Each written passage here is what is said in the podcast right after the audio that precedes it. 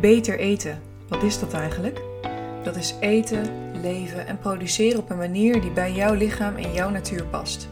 Daar mag je naar terug. In deze podcast deel ik mijn eigen ervaring en de verhalen van mensen die het anders doen. Die natuurlijker eten omdat ze voelen dat dat voor hen de bedoeling is. Hey, leuk dat je weer luistert naar een nieuwe aflevering van de Beter Eten podcast. Het is weer een interview en nou, eerst vertelt Jolanda haar verhaal over hoe ze bij de dieet is uitgekomen, hoe ze ermee omgaat, hoe, het, hoe haar eetgewoontes eruit zien, nou, al, die informatie. Maar de tweede helft van het gesprek vind ik wel ontzettend leuk, want dat gaat ook over de relatie tussen je manier van eten en je mentale gezondheid. Ze heeft zelf daar een hele ontwikkeling in doorgemaakt van allerlei klachten, ook op het gebied van mentale gezondheid, qua vermoeidheid en depressiviteit en angsten, die gewoon allemaal zijn verdwenen. Maar ze is zelf ook psycholoog en ze heeft gewoon zelf heel veel ervaring met de verbinding die er is tussen je manier van eten, je darmen, je hersenen, je emoties. We hebben het op een gegeven moment over trauma, hoe dat ontstaat in je lijf. Dat kan natuurlijk allerlei redenen hebben, kan allerlei emotionele redenen hebben, maar dat doet iets met je lijf en met je immuunsysteem. En dat doet ook iets met alles wat jij nog kan verdragen in je lichaam aan voeding. En het carnivore kan daar een hele mooie oplossing voor zijn om de enorme hoeveelheid stress die gewone voeding op je lijf heeft heel erg te verminderen. Waardoor je gewoon ja, je klachten ziet afnemen. Ook je mentale klachten, niet alleen je fysieke klachten. En nou goed, daar deelt het een en ander over. Ik vind het heel leuk om dus ook nou ja, met iemand met deze expertise uh, daarmee in gesprek te gaan en in de podcast te hebben. Ik hoop dat je er wat van leert. En ik heb een vraag, namelijk als er onderwerpen zijn waarvan je denkt, nou daar wil ik wel graag eens wat over horen. Of ik zou het hartstikke leuk vinden als je met die persoon in gesprek gaat of met zo'n persoon, nou, noem maar op. Wil je mij dat dan laten weten? Want ik vind het alleen maar heel erg leuk om dat soort dingen te gaan doen. Dus als je daarin verzoeken hebt of onderwerpen waar je graag iets over wilt horen, laat het me weten. En voor nu gewoon heel erg veel luisterplezier. Nou, Jolanda, dankjewel. Fijn dat je er bent. Zou jij de luisteraars kunnen vertellen hoe jij bij het carnivore dieet bent uitgekomen? Ja, ja. ja dat was een jaar of vier geleden. En ik uh, was uh, wat YouTube-filmpjes aan het kijken van uh, Jordan Peterson. Dat is een uh, hoge pief in de psychologie uit uh, Canada. Ja, ik ken hem. Ja. En ik ben zelf ook psycholoog en ik vind dat hij daar heel mooi over kan praten. Dus ik volgde hem al een tijdje. En toen kwam er een interview voorbij over zijn manier van eten, waarin hij dus vertelde dat, uh, dat hij alleen maar vlees eet. En waarom? En dat, dat verbaasde mij heel erg. Want ik, ik had een soort error in mijn hoofd. Want ik dacht, ja, ja deze man heb ik best wel hoog zitten. Hè? Dat is niet de eerste, de beste Viva-lezer die een nieuw uh, dieet probeert. Uh, maar aan de andere kant, alleen maar vlees eten, dat, dat, dat kan niet. Dat is, dat, ik dacht, dat is absurd. Ik was zelf best wel bezig met gezondheid ook. En dan met name dus minder vlees eten en ja. groenten. En nou, je kent het allemaal wel. Ja. Dus ik dacht, uh, wat, wat, wat is dit?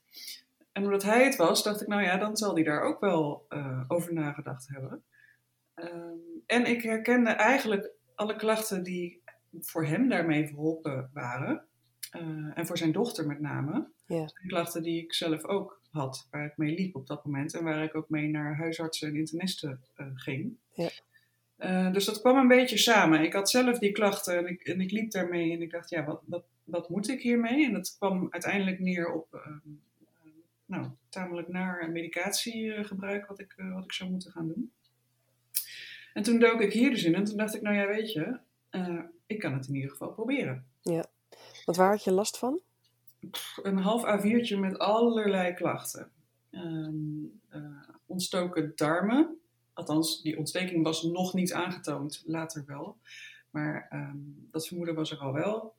Um, uh, vermoeidheid, ook depressies, angsten, uh, gewrichtsklachten. uh, ontzettend veel slapen altijd. Huidproblemen, acne, Hmm. restless legs, hartkloppingen.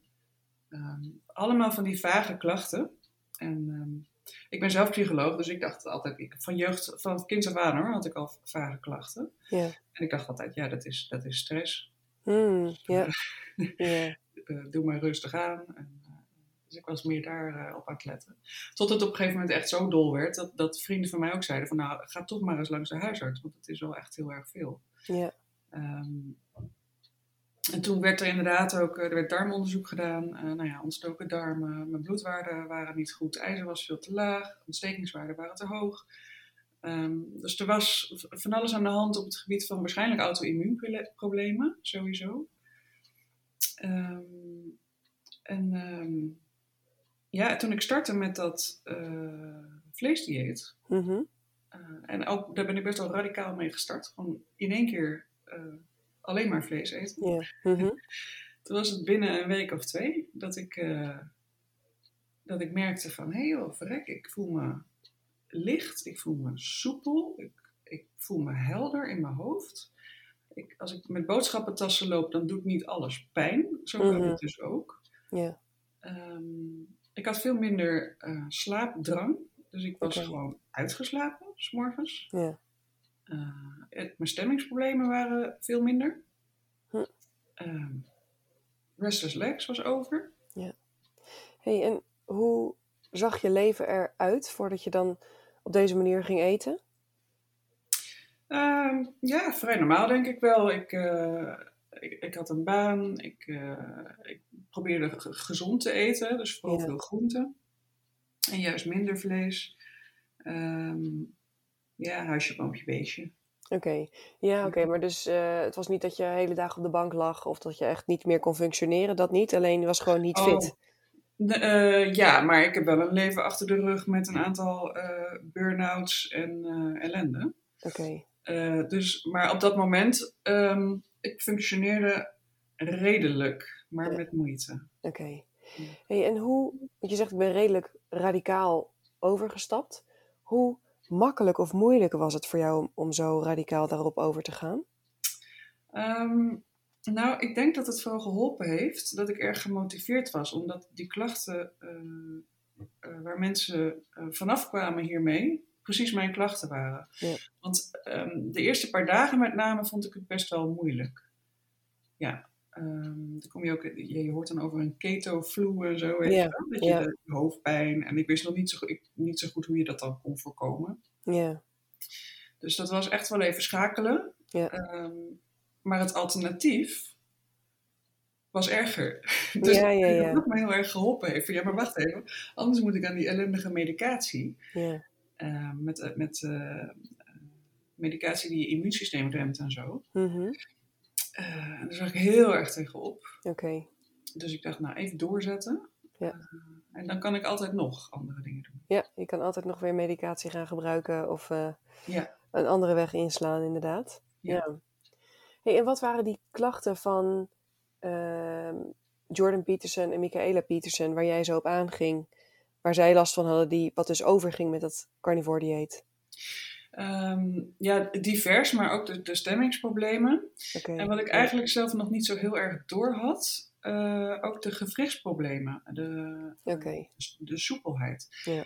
Eh, bij Michele was het reuma, reumatoïde artritis. Mhm. Ehm, bij mij is dat eh, een tijdje later ook vastgesteld. Ehm, en ik merkte het ook toen ik twee weken begonnen was met het carnivore dieet, dat ik dus toen realiseerde ik me pas dat ik daarvoor als een soort stijve hark aan het Mhm. rondlopen was. En inderdaad, s morgens ook last had van stijfheid.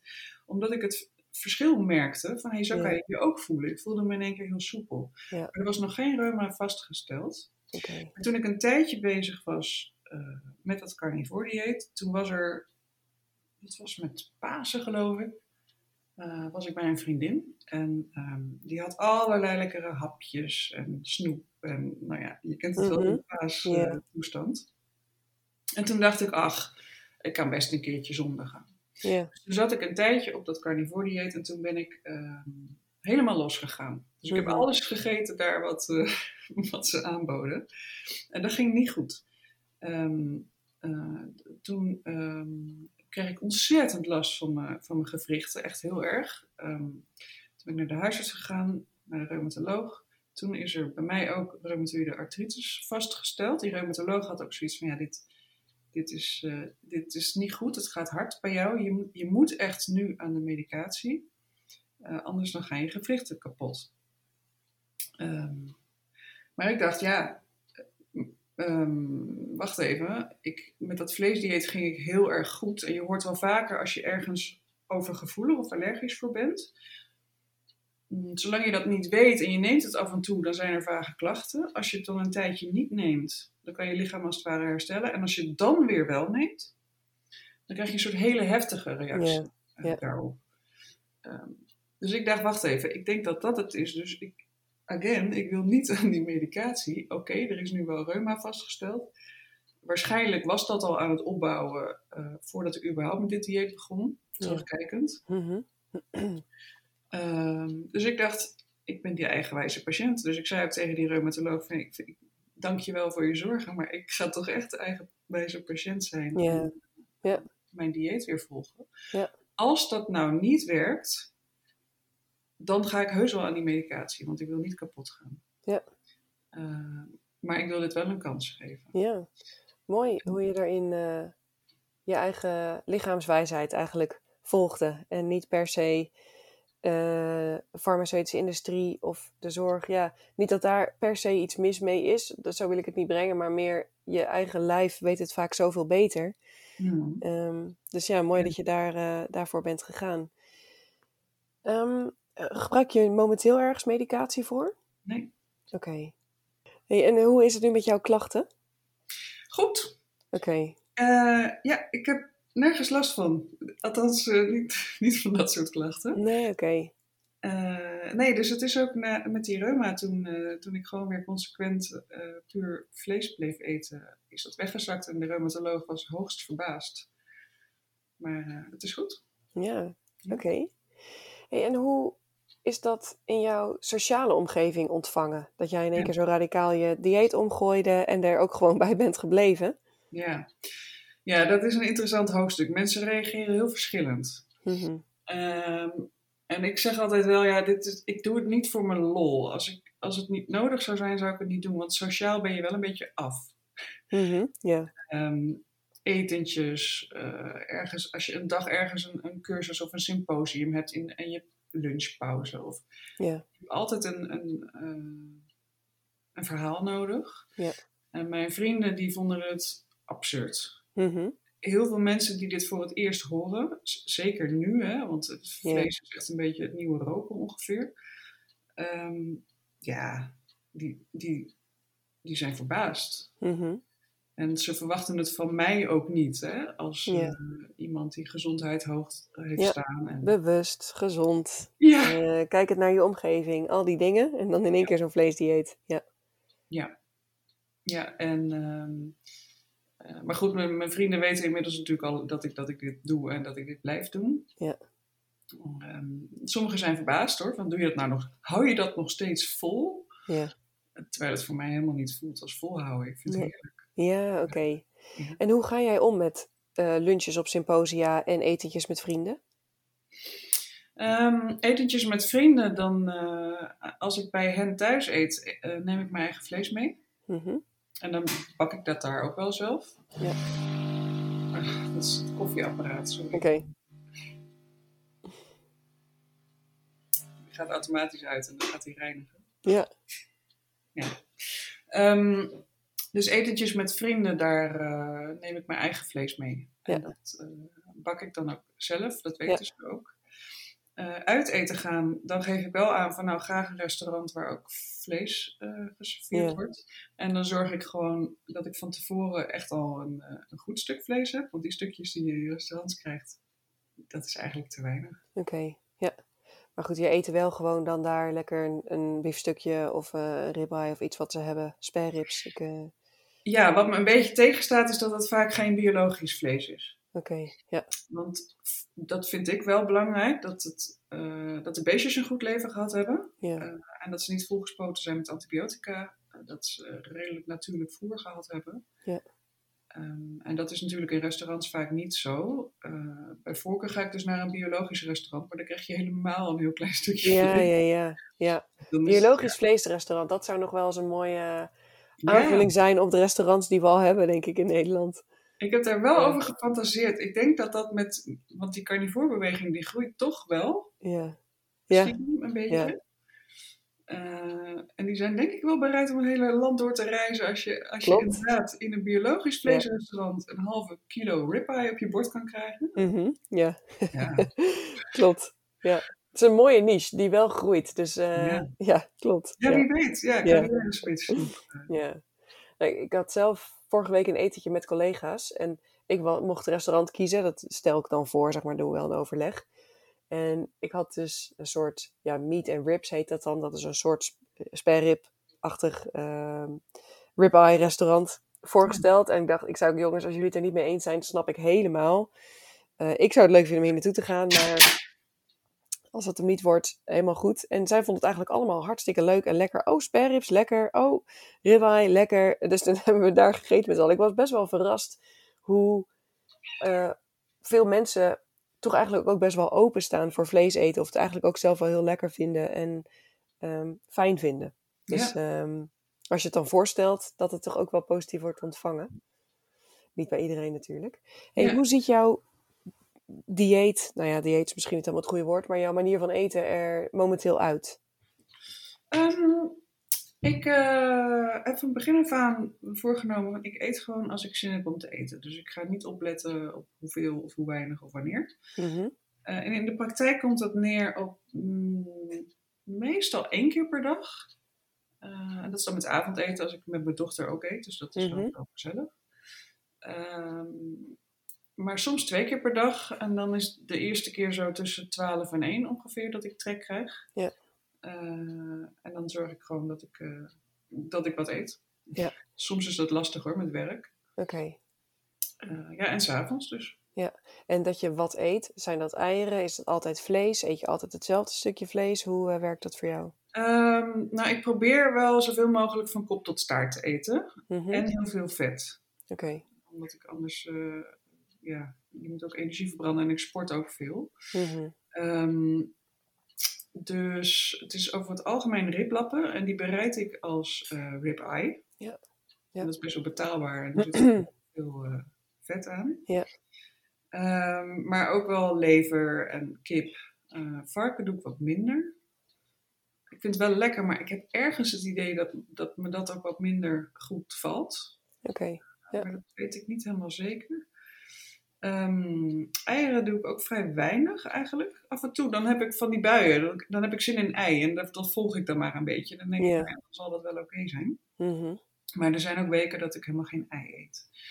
Dus het is vooral veel eh riblap, ook wel rib-eye, eh, lever dus ook. Ehm, ik heb, en dat is een beetje taboe om te zeggen, ik wilde altijd heel graag hersenen eten. Ja. Omdat dat dan ook gezond schijnt Mhm. Te zijn. En ehm, eh, dat is natuurlijk hier eh, verboden, of, of lastig in elk geval. Ehm, dus toen ik in Afrika was, toen heb ik daar op een vleesmarkt een, een runderhoofd open laten hakken en ter plekke die hersenen eruit laten halen. En ben een restaurantje laten bereiden. Oh, wauw. Ja, ik wilde dat wel echt vers van de koe hebben, zeg maar. Ja. Omdat die marktjes, in, dat was in Gambia, ja, daar wil je geen vlees kopen. Daar, daar- er is geen koeling en, en het is zwart van de vliegen. Dus het is, ik, ik moest een aantal drempeltjes over. Ja. Maar goed, ik zag het gebeuren. Ze haalden het daar letterlijk uit, uit het brein, uit het hersenvlies, direct in een zakje. Er heeft geen vlieg bij gezeten. En toen ben ik direct weer naar een restaurant gegaan. Eh, die moesten ook even over een drempeltje heen, maar ik heb ze het hele verhaal uitgelegd. En ze hebben het heerlijk bereid. Oh, wauw. Ja, dat was wel heel erg leuk. En, eh, en best lekker ook. Ja. Oh, wat Ja. geinig. Wat leuk. Ja, mooi. Hey, en je zegt net eh, dat je ook een dochter hebt. Ja. Hoe eh, doe je dat met haar met eten? Hoe doet zij dat? Ehm, ik, voor haar geef ik eigenlijk gewoon aardappels, groente, vlees over het algemeen. Mhm. S'avonds. En ze eet brood en ze ontbijt met volvette kwark. Ehm, ik heb het voor haar eigenlijk altijd zo normaal mogelijk willen houden. Mhm. Ehm, ze is ook een tijdje vegetarisch geweest. Dat was dus best wel apart. Dan eh, had ik een mandje vol biologisch vlees bijvoorbeeld. En dan had ik voor haar wat vegetarische worsten bij de Albert Heijn. Ehm, ja, dat is ze inmiddels gelukkig niet meer. Hoe oud is ze? Nee. Ze is 15. Oh ja. En ik probeer bij haar op te letten of ik dingen merk eh, dat ze ergens last van heeft. Ja. Maar ik weet ook wel dat het, het carnivore dieet niet iets is wat je half moet doen. Oké. Uh, je moet niet en heel veel vet vlees eten en koolhydraten of brood erbij. Voor zover ik het heb kunnen onderzoeken. Ja. Um, want dan krijg je echt een soort McDonald's dieet en dan krijg je problemen. Ook met Ja. je vitamines en uh, Oké. mineralen. Dus um, ja, om haar nou op zo'n extreem dieet te zetten, als ik geen reden daarvoor zie, dan doe ik dat niet. Nee, oké. Oké, dus je hebt niet het gevoel dat het carnivore dieet voor heel veel mensen een stuk gezonder zou zijn dan een gewoon dieet? Jawel, maar bij kinderen, ik, dat gevoel heb ik wel. Oké. Maar het is ook weer niet zeker. En als je dan een kind in de groei op een extreem dieet zet, en het is niet alleen het dieet, hè, het is ook de sociale aspecten daarvan. Ja. Dat is super belangrijk. Ja. Dan vind ik dat een lastige afweging. Dus ik, ik, ik probeer wel op haar gezondheid te letten. Hè. Dus dan ehm, ja, juist met, met groenten en goed vlees. En uh, soms ook aanvullingen, vitamine D in de winter en wat, uh, nou ja, Ja. wat extra dingetjes. Maar ik vind het best een grote stap om zo'n kind op zo'n extreem Mhm. Ja. dieet te Ja, zetten. snap ik. maar mocht zij echt darmklachten krijgen of andere vage klachten of, of reuma of zoiets, Ja. ja, dan, eh, dan weet ik wat we moeten doen. Ja, oké. Hey, heb jij het idee dat, eh, want omdat jouw klachten zo weg zijn gegaan allemaal, komt dat doordat jij allerlei voedingsmiddelen wegliet? Of omdat je juist zoveel vlees bent gaan eten? Er is zo'n term als meat heals. Ja. Dat vinden alle carnivore mensen leuk om te zeggen. Ja. Alsof meer vlees eh, meer heling brengt en dat soort dingen. Terwijl Ja. ik soms zelf ook het gevoel heb namelijk dat het komt doordat we gewoon al die chak weglaten. Waar de een gevoeliger voor is dan de ander. Ja. Heb je daar zelf eh, ideeën bij hoe dat voor jou werkt? Eh, ja, maar daar wil ik wel bij zeggen, dat zijn dus ideeën, want ik heb ook de waarheid niet in pacht. Ehm, en en ik, ik word ook altijd een beetje moe van mensen die dat wel denken te hebben, want het is, er is volgens mij nog helemaal niks helemaal zeker hier. Mhm. Onderzoeken zijn ook zo moeilijk om te doen met, met voeding, omdat iedereen zo verschillend is. Ehm, hoe ik het een beetje zie, is dat ik uh, waarschijnlijk om welke reden dan ook van kinds af aan een beetje overgevoelig ben geweest voor een aantal dingen. Dus misschien bijvoorbeeld lactose of gluten. Nou, gluten zijn voor iedereen een beetje irritant voor de darmen. Uh, bepaalde stofjes in planten ook, hè, die planten hebben omdat ze zich Mhm. moeten verweren tegen insecten. Als je verder fit in elkaar zit, denk ik dat dat niet zo heel veel kwaad kan als je dat eet. Sterker nog, dat het misschien net een beetje genoeg kietelt om je fit en alert te houden, hè? je immuunsysteem en je darmen. Ja. Maar als je om welke reden dan ook overgevoelig bent of raakt, um, en je darmen gaan bijvoorbeeld te heftig reageren, en dan krijg je bijvoorbeeld dat leaky gut, hè? dat, Mhm. dat de darmcellen open gaan staan, en Ja. je, je immuunsysteem raakt hyperactief uh, gevoelig voor van alles en nog wat. En je blijft maar doorgaan met die stofjes, uh, dan denk ik dat het hele systeem steeds meer ontregeld raakt. Ja. Uh, en dan zie ik die, uh, dat carnivore dieet een beetje als een, als een enorme reset button die je indrukt. Ja. Gewoon echt even keihard radicaal terug naar de basis, alles herstellen. En dan denk ik, in antwoord op jouw vraag, net dat het dus een combinatie is van enerzijds de irriterende stofjes uh, niet meer erbij. Mm -hmm. uh, en anderzijds de helende uh, stofjes wel, hè? met Ja. het vlees bijvoorbeeld, dus de, de, vitamines en het ijzer. Ja. Um, waar, je, waar je eerder waarschijnlijk veel te weinig van kon opnemen, omdat het hele systeem zo overhoop lag, Ja. kan het nu flink aangevuld worden. Mhm. Dan is een beetje de vraag natuurlijk, dat weet ik ook niet zo goed, van ja, als het, als het zo'n reset is, kun je dan na enige tijd weer gaan proberen Ja. of je niet weer wat kan gaan opbouwen. Ja. Dus ja, ik heb ook wel fases gehad dat ik dat dan deed. Oké, ja. En dan ging ik eh broccoli eten of zo. Of, Ja. nee. Soms kreeg ik last. Dan begonnen mijn gewrichten weer wat, of mijn darmen. Ik werd Ja. moe. Soms niet. Oké. Ehm, en over het algemeen dacht ik eigenlijk vooral, nou ja, ik voel me hier zo goed bij. Ja. En ik heb mijn bloedwaarden ook steeds laten checken. En die, nou, zo goed zijn ze nog nooit geweest. Ja, ja. En Dus- wat voor waardes laat je dan checken? Oh, dat weet ik niet meer uit mijn hoofd, want ik ben, ik ben er inmiddels mee gestopt. Maar in ieder geval die dingen die eerst niet goed waren. Dus de ferritine, ijzer, eh, ontstekingswaarde. pff, ik, weet- ik weet niet precies wat. Oké. Ehm, en dat, was, eh, dat heb ik in zo'n Excel-sheetje heel netjes bijgehouden. En er kwamen Ja. er steeds meer op groen, dus gewoon gezond. En toen ben ik gestopt met regelmatig bloed. Oké. En liet je dat gewoon bij de huisarts doen? Of hoe heb je Ja. dat eh, gedaan? Oké, dus die Ja, wilde wel prikken. Ja, en toen met die eh, reumatoloog eh, ook. Die wilde ook wel meedoen met prikken. Oké, fijn. Ja. Oké. Hey, en jij bent zelf psycholoog. En eh, als ik het goed heb begrepen, heb je zelf redelijk wat mentale gezondheidsvoordelen ook ervaren door het carnivore dieet. Als het gaat om Ja. rust, minder depressie, Ja. of minder neerslachtig. Ja. Is dit iets wat jij binnen je praktijk ook wel eens inzet? Vind ik een goede vraag. Ik worstel hier een beetje mee. Mhm. Ehm, omdat ik best wel veel cliënten zie waarbij ik denk, oeh, ik zou jou zo graag gewoon twee weken op een vleesdieet willen zetten om te kijken of het je wat helpt. Ja. Maar ik ben geen arts. En ehm, dat kan ik er natuurlijk bij zeggen. Mhm. Ehm, en toch denk ik, ik heb, ook te- ik heb wel te maken met cliënten. De- En zij, ik ben dan wel geen arts en ik kan het erbij zeggen. En toch is er per definitie een soort hiërarchie, of in ieder geval kan een cliënt dat zo zien. Dus ik moet wel oppassen met wat ik vertel. Mhm.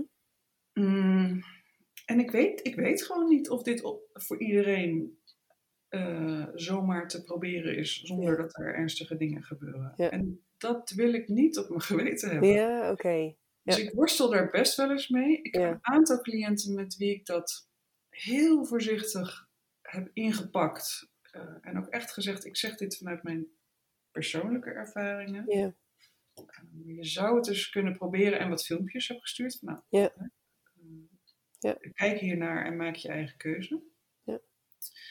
Ehm, maar ik zou, dat vind ik wel moeilijk hoor, want sommige mensen gaan aan allerlei medicatie. Ja.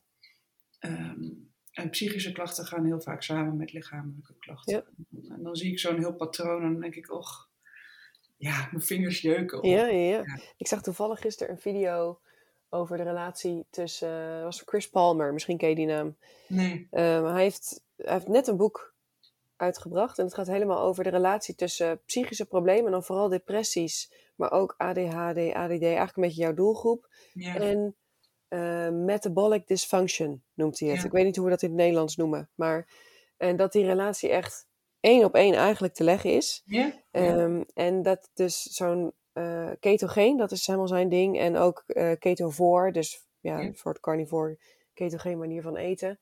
Dat is volgens hem echt zo'n nu nog ongeziene, kansrijke Ja. methode om mensen te behandelen. ja, ik sta er helemaal achter. Oké, ja, ik herken wel een beetje de worsteling. Ik begeleid zelf mensen met eetproblematiek. En um, daar zit een heel stuk trauma onder. Ja. En het is heel mooi om daar naar te kijken. Maar ik heb zelf gemerkt in mijn hele eigen reis daarmee. hoe een carnivore manier van eten eigenlijk nog een soort van extra rust op dat gebied geeft. En een extra in contact kunnen zijn met mijn lijf. Ja. En een extra soort zengevoel. En helemaal als je worstelt met eten en je bent eigenlijk al die dingen kwijtgeraakt. En het is zo verstoord. Ook je hongergevoel, je hormoonbalans, al die dingen die daaraan bijdragen. Dan, oh, dan denk ik wel het zou, je zou er zoveel baat bij hebben. En ik vertel altijd over mijn eigen ervaring daarmee. Maar ik kom in praktijk ook veel mensen tegen die juist in die beweging naar meer vegetarisch zitten. Ja. Die ook um, ja, uh, helemaal fan zijn van de correspondent bijvoorbeeld. Weet je wel, een mooie media platform. En zich daar op een goede manier laten informeren volgens hun idee. En Ja. ja, echt zich niet kunnen voorstellen dat dit um, een goede beweging zou zijn. En het is natuurlijk ook spannend met de calorieën en het vet. Dat, dat herken ik ook. Mm. Dat dat spannende stappen kunnen zijn. Maar oh, ik denk wel eens de rust die je kunt ervaren in je lijf en in je hoofd. Ja. Door de manier waarop je eet. Ja, dat is voor Ja. mij echt nog weer een, een, gewoon een grote stap geweest in mijn herstel. En dat, ik denk dat het anderen ook echt kan helpen. Maar het is, is ik, ik herken de schroom die je voelt. En ook het verlangen om er wel iets mee te gaan doen eigenlijk af en toe. Ja, misschien moeten we een nieuwe praktijk beginnen samen. waar Ja, waarin je gewoon aan de voorkant al, al aangeeft van... Ja, dit is mijn manier van begeleiden. En, Nou, ik eh, ben er, ja, precies. Nou, en dat is wel serieus iets wat ik overweeg ook voor mijn praktijk, om dat aan te gaan geven. Dat mensen die dit willen gaan doen en daar begeleiding bij willen, ja. dat het natuurlijk best wel veel, veel doet. Het is niet zomaar iets mhm, ehm, dat, ik dat, dat ik daarin wat in zou willen en kunnen betekenen. Ja. Eh, op psychologisch gebied. Ja. En eh, ja, wat je zegt, inderdaad, het is zo absurd dat we voor psychisch-mentale dingen naar de psycholoog gaan en alle lichamelijke dingen naar artsen. Alsof dat twee verschillende werelden zijn. ja, Maar je hersenen zijn ook een orgaan. Het is één systeem allemaal. ja, En eh, inderdaad, gelukkig wordt er steeds meer duidelijk over het verband tussen de darmen en de hersenen. En stemming Klopt, en cognitie. Ja. Ehm, en inderdaad ook trauma, eh, eh, waarbij ook, kijk, als je zeker vroegkinderlijk eh, langdurig trauma of complex trauma, dus mhm, dan heb je dus kindjes die jarenlang veel te veel stress hebben ervaren. Dat doet wat met je immuunsysteem. Ja. Dus voor zover je nog niet gevoelig was voor van alles en nog wat, ja, word je het wel. ja, klopt. En ligt Ja. je systeem overhoop. Ja. Ehm, dus ja, wat is dan wat? Hè? Ben je allergisch? Heb je trauma? Heb je autisme ontwikkeld? Eh, of ADHD? Of, Ja, ja, Ja. dat maakt misschien ook niet zoveel uit, maar wat helpt? klopt, Je ja. kunt er meerdere knoppen draaien. Ja. Klopt. En eh, dat is iets wat ik binnen mijn praktijk soms ook wel eens, waar ik wat zoekende ben. Ik, bege- ik werk veel met familieopstellingen en andere Mm, vormen van opstellingen. En dat is een hele mooie manier om naar het trauma toe te gaan. Eh, naar de primaire emoties toe te gaan die eronder liggen, onder je problemen. En tegelijkertijd denk ik soms ook, hoef je misschien niet altijd daar naartoe te gaan en kan een eh, kijk, er zijn natuurlijk honderden wegen naar Rome. En soms is het Mhm. echt wel nodig om naar de kern en naar de basis toe te gaan. Maar Ja. soms is ook gewoon een, een way out voldoende. En dat, dat carnivore dieet, maar wat, wat er ook onder jouw klachten ligt, of dat nou trauma is, weet je wel, onder je allergie en onder je, Ja. je intolerantie, zeg maar, kunnen ook allerlei systemische, eh, traumatische oorzaken liggen. Ja, Maar moet je altijd op die manier daar naartoe? Of kan je ook gewoon op een andere manier gaan eten? Hmm. En op die manier je weg eruit vinden, zeg maar. Zonder dat je altijd jaren in therapie hoeft. Of, of alles helemaal moet aankijken en doorvoelen. En kan dat ook op een andere manier, Ja. ja, jou weer een soort van je benen onder je leven en je lijf Nou, geven. Ik, ja, precies. Ik, ik kan me daar heel erg in vinden. En eh, eh, inderdaad, er zijn meerdere knoppen waar je aan kan draaien. Ja. En wat ik dan ook zo mooi vind, is dat er ook wel onderzoek gedaan is, bijvoorbeeld naar chronische laaggradige ontstekingen. Ja, Waarbij door je lijf per definitie al allerlei stofjes gebruikt worden, ehm, die bijvoorbeeld ook invloed hebben op je stemming. mhm, Waardoor je ehm, meer kans hebt op neerslachtigheid en depressie. Omdat Ja. voortdurend die ontstekingen door je lijf gieren. Dat is op zich een normale reactie. Maar als dat is wat er aan het gebeuren is, kun je heel lang lullen met een psycholoog. ja, Maar dat gaat niet zo heel veel zin Nee. hebben. Ja, misschien wel een beetje. Maar als je dan die laaggradige ontstekingen weg kunt werken door bijvoorbeeld je voeding, ja, eh, dan is dat toch veel beter. En hoe die ontstekingen dan gekomen zijn, inderdaad, misschien vanuit eh, langdurig trauma in de jeugd of wat dan ook. Hè, omdat je immuunsysteem zo op hol geslagen is. Dat zou Ja. allemaal best wel kunnen. Ja. Maar inderdaad, wat je zegt, het, ja, er zijn meerdere wegen naar Rome. ja, ja.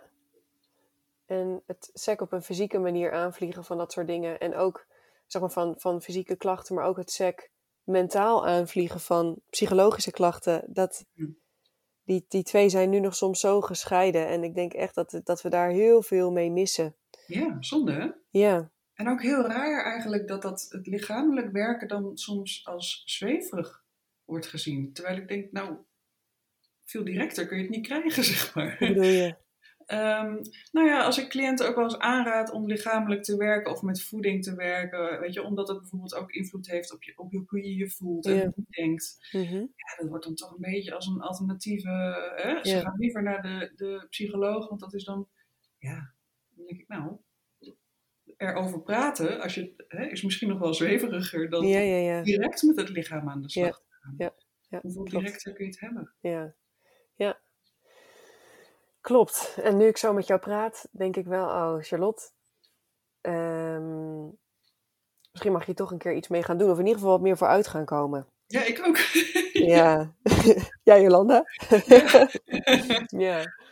Ja, want ja, als, als we hier zelf zeg maar zoveel aan hebben gehad. En het is dus een bepaalde taboe. Ik vind het zo grappig. Ik, ben, ik was afgelopen zomer, ja, ben ik nog steeds met iemand aan het daten die vegetarisch eet. En ehm, ik schaamde me een beetje voor mijn manier van eten. Met alleen dat carnivore. Omdat dat zo niet geaccepteerd is. En Mhm. vegetarisch wel. Dat, zou, dat is zogenaamd iets goeds, zeg maar. Ja. Ja. En eh, alleen maar vlees. Ja, ik heb dan toevallig ook, ik zit een beetje in die hoek met persoonlijke ontwikkeling en spiritualiteit. Heel veel mensen eten veganistisch. Ja. Ehm, ik, ik schaamde me gewoon een beetje voor mijn manier van eten. Ik, deed, ik was op een retraite waar veganistisch werd gekookt. En ik heb daar helemaal mijn eigen eten gewoon meegenomen en gegeten. Ja. Maar daarvoor moest ik echt een hobbel over. En ook met dat daten. Ja. Voordat wij gewoon nu, nu koken we gewoon. Hij kookt zijn eigen pannetje, ik kook mijn eigen pannetje. Nu gaat het prima. Alleen Ja. in het begin zat daar best wel wat schaamte op. En ook in mijn praktijk merk ik dus dat ik wat huiverig ben soms om daar zo openlijk over te praten en het ook te adviseren. Ja. Omdat er dus toch nog wat op ligt. En dat is voor mij ook wel reden om deze podcast te starten. Ja, mooi. Vind ik een mooie manier dat je dan met deze podcast eh, zoiets Ja. Dan kunnen mensen ook zelf kiezen, maar dan komt er meer bekendheid. Misschien kun je eens wat afleveringen aan je cliënten laten horen. Niet dat ik mijn podcast zo wil promoten, maar meer van wie weet hebben ze er iets aan. Ja, nee, absoluut. Ja. Ja. Hey, zijn er vanuit jou nog wat, wat tips bijvoorbeeld die je de luisteraar leuk vindt om mee te geven? Of iets waar je zelf veel aan hebt gehad in je journey? Oeh, goeie vraag. Ik heb al de hele tijd in mijn hoofd dat jij vroeg net wat ik dan ongeveer eet en eh, hoe, hoe dat eruit ziet. Ehm, dat ik ook met name heel erg fan ben van eh, beenmerg. Oké, ja. Ehm, en uh, bottenbouillon. Omdat daar ook natuurlijk hele goede stofjes in zitten. Alleen Mhm. ik ben ook een beetje een, eh, een, een lui dier. Dus dat uren koken van die botten, dat vond ik dan soms ook irritant. ja. Tot ik op een gegeven moment achterkwam van ja, maar wacht even, die mergpijpjes. Die kun je ook gewoon of even in de oven leggen. Of in de koekpan, totdat de merg echt lekker zacht is. Oké. Uitlepelen. En eh, dat doe ik ook. Oh, dus je legt gewoon een mergpijpje in de koekenpan? Ja. En doe je daar dan nog iets van boter onder of iets dergelijks? Of kun je dat gewoon, ja, het is van zichzelf misschien al redelijk vet. Ja, eh, ik, ik bak het vaak in eh, kokosvet. Ja. Want lactose gaat bij mij niet goed. Daar krijg ik huiduitslag. Oké, ja. Ehm, dus kokosvet, dat gaat eigenlijk wel, wel goed. Ja. Ehm, of niks, inderdaad. Oké, Een klein beetje. Oké. Gewoon in de koekenpan, allebei de kanten even bakken en dan... Ja, het moet wel goed zacht zijn. Want ik had laatst ook een keer dat, het, dat ik het niet lang genoeg gebakken had. En toen dacht ik wel, gadverdamme. Dit. Ja, oké. Hoe lang moet je het dan ongeveer bakken? Ja, daar ben ik nooit zo goed in. Ik, eh, het ligt een beetje aan hoe dik het ook is. Maar ik denk dat je met een kwartiertje of zo... Oké, Ja. Met het dekseltje erop ook, hè. Dus dan blijft die hitte lekker eh, erin Ja. oké. Eh, of in de oven, dat heb ik dus ook wel gedaan.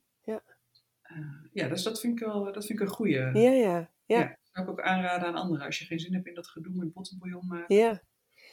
Ja, dat is wel een goede inderdaad. Want daar heb ik dus niet zo vaak zin in. Daardoor koop ik het. Maar het is best wel prijzig. Ik vind oerbouillon bijvoorbeeld echt ontzettend lekker en een heel mooi product. Mm. Maar goed, als je een paar van die flesjes in de week wil drinken, dan kun- ben je gewoon ja, best wel wat Ja. geld kwijt. Ja.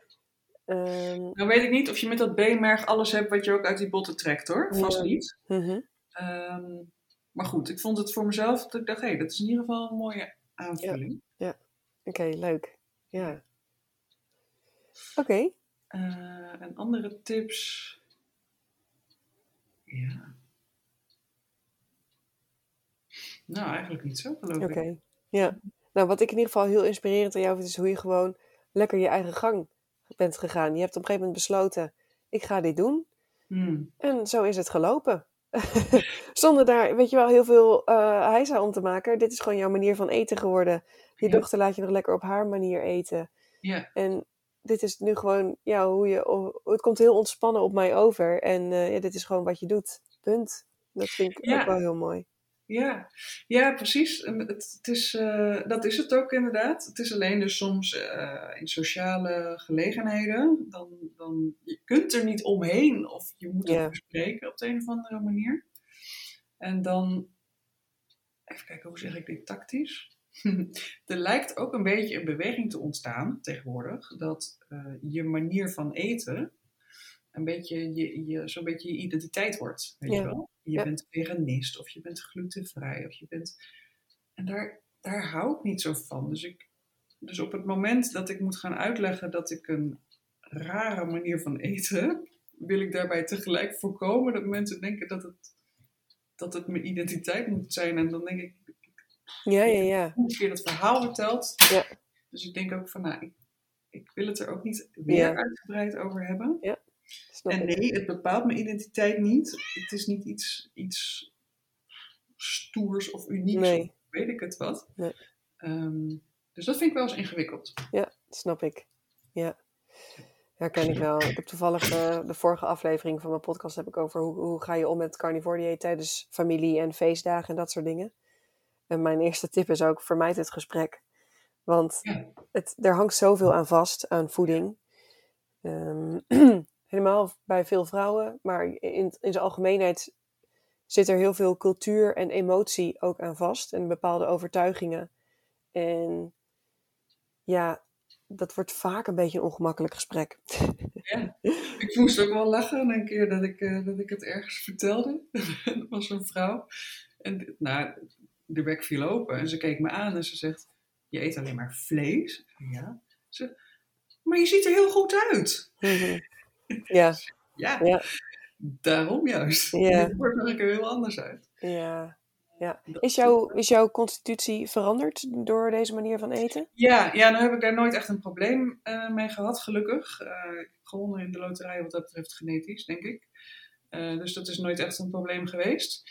Maar het is niet vervelender geworden. Nee, dus ik, de, de vetverdeling is anders. Oké. Ik ben een paar kilo lichter. Ehm, en ehm, ik sport veel en ik merkte qua spieropbouw dat dat wel helpt. Ja. Wat voor sport doe je bijvoorbeeld? Eh, hardlopen en fitness. Oké, ja. ja.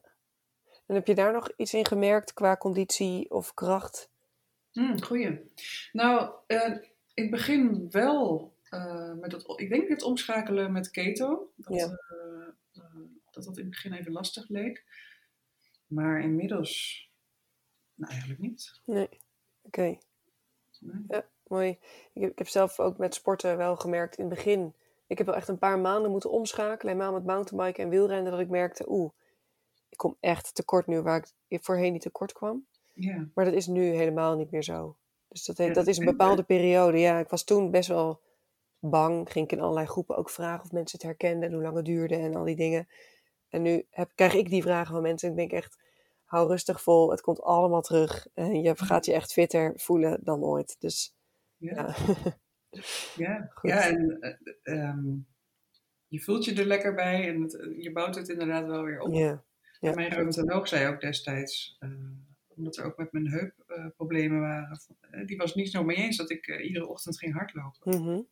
Dat kon ik maar beter niet doen en beter andere dingen doen. Maar Ja. Nee hoor, ik, ik, ik ren lekker door het bos en ik heb nergens last van. Ja, mooi. Ja, fijn. Goed. Hey, hartstikke bedankt dat je je verhaal wilde delen. En eh, Heel graag. ja, je inspirerende, ontspannen manier zeg maar, van omgaan met dit, deze manier van eten. Dank je. ja, Ehm, waar kunnen mensen eventueel jou vinden qua, ik weet niet, heb je een website van je praktijk bijvoorbeeld? Of Ja, hoe, eh, hoe ziet dat eruit? Eh, www.jolandasnel.nl Mhm. En eh, dan, eh, ja, dat wijst zich eigenlijk Ja. vanzelf. Oké, dus mochten mensen en met dat soort cognitief brede, nee, hoe noemde jij het zelf? Neurologisch Neurodiversiteit. in neurodiversiteit zitten Ja, en ja. nieuwsgierig zijn naar deze manier van eten en daar eventueel begeleiding in willen of in ieder geval met een Hmm. psycholoog willen praten die hier ervaring mee heeft en hier ook iets in kan bieden, dan is Ja. dat misschien wel een hele mooie go-to. Zeker. Ja hoor, hartstikke welkom. Ja. Ja, leuk. Dankjewel. Jij ook bedankt. Ja.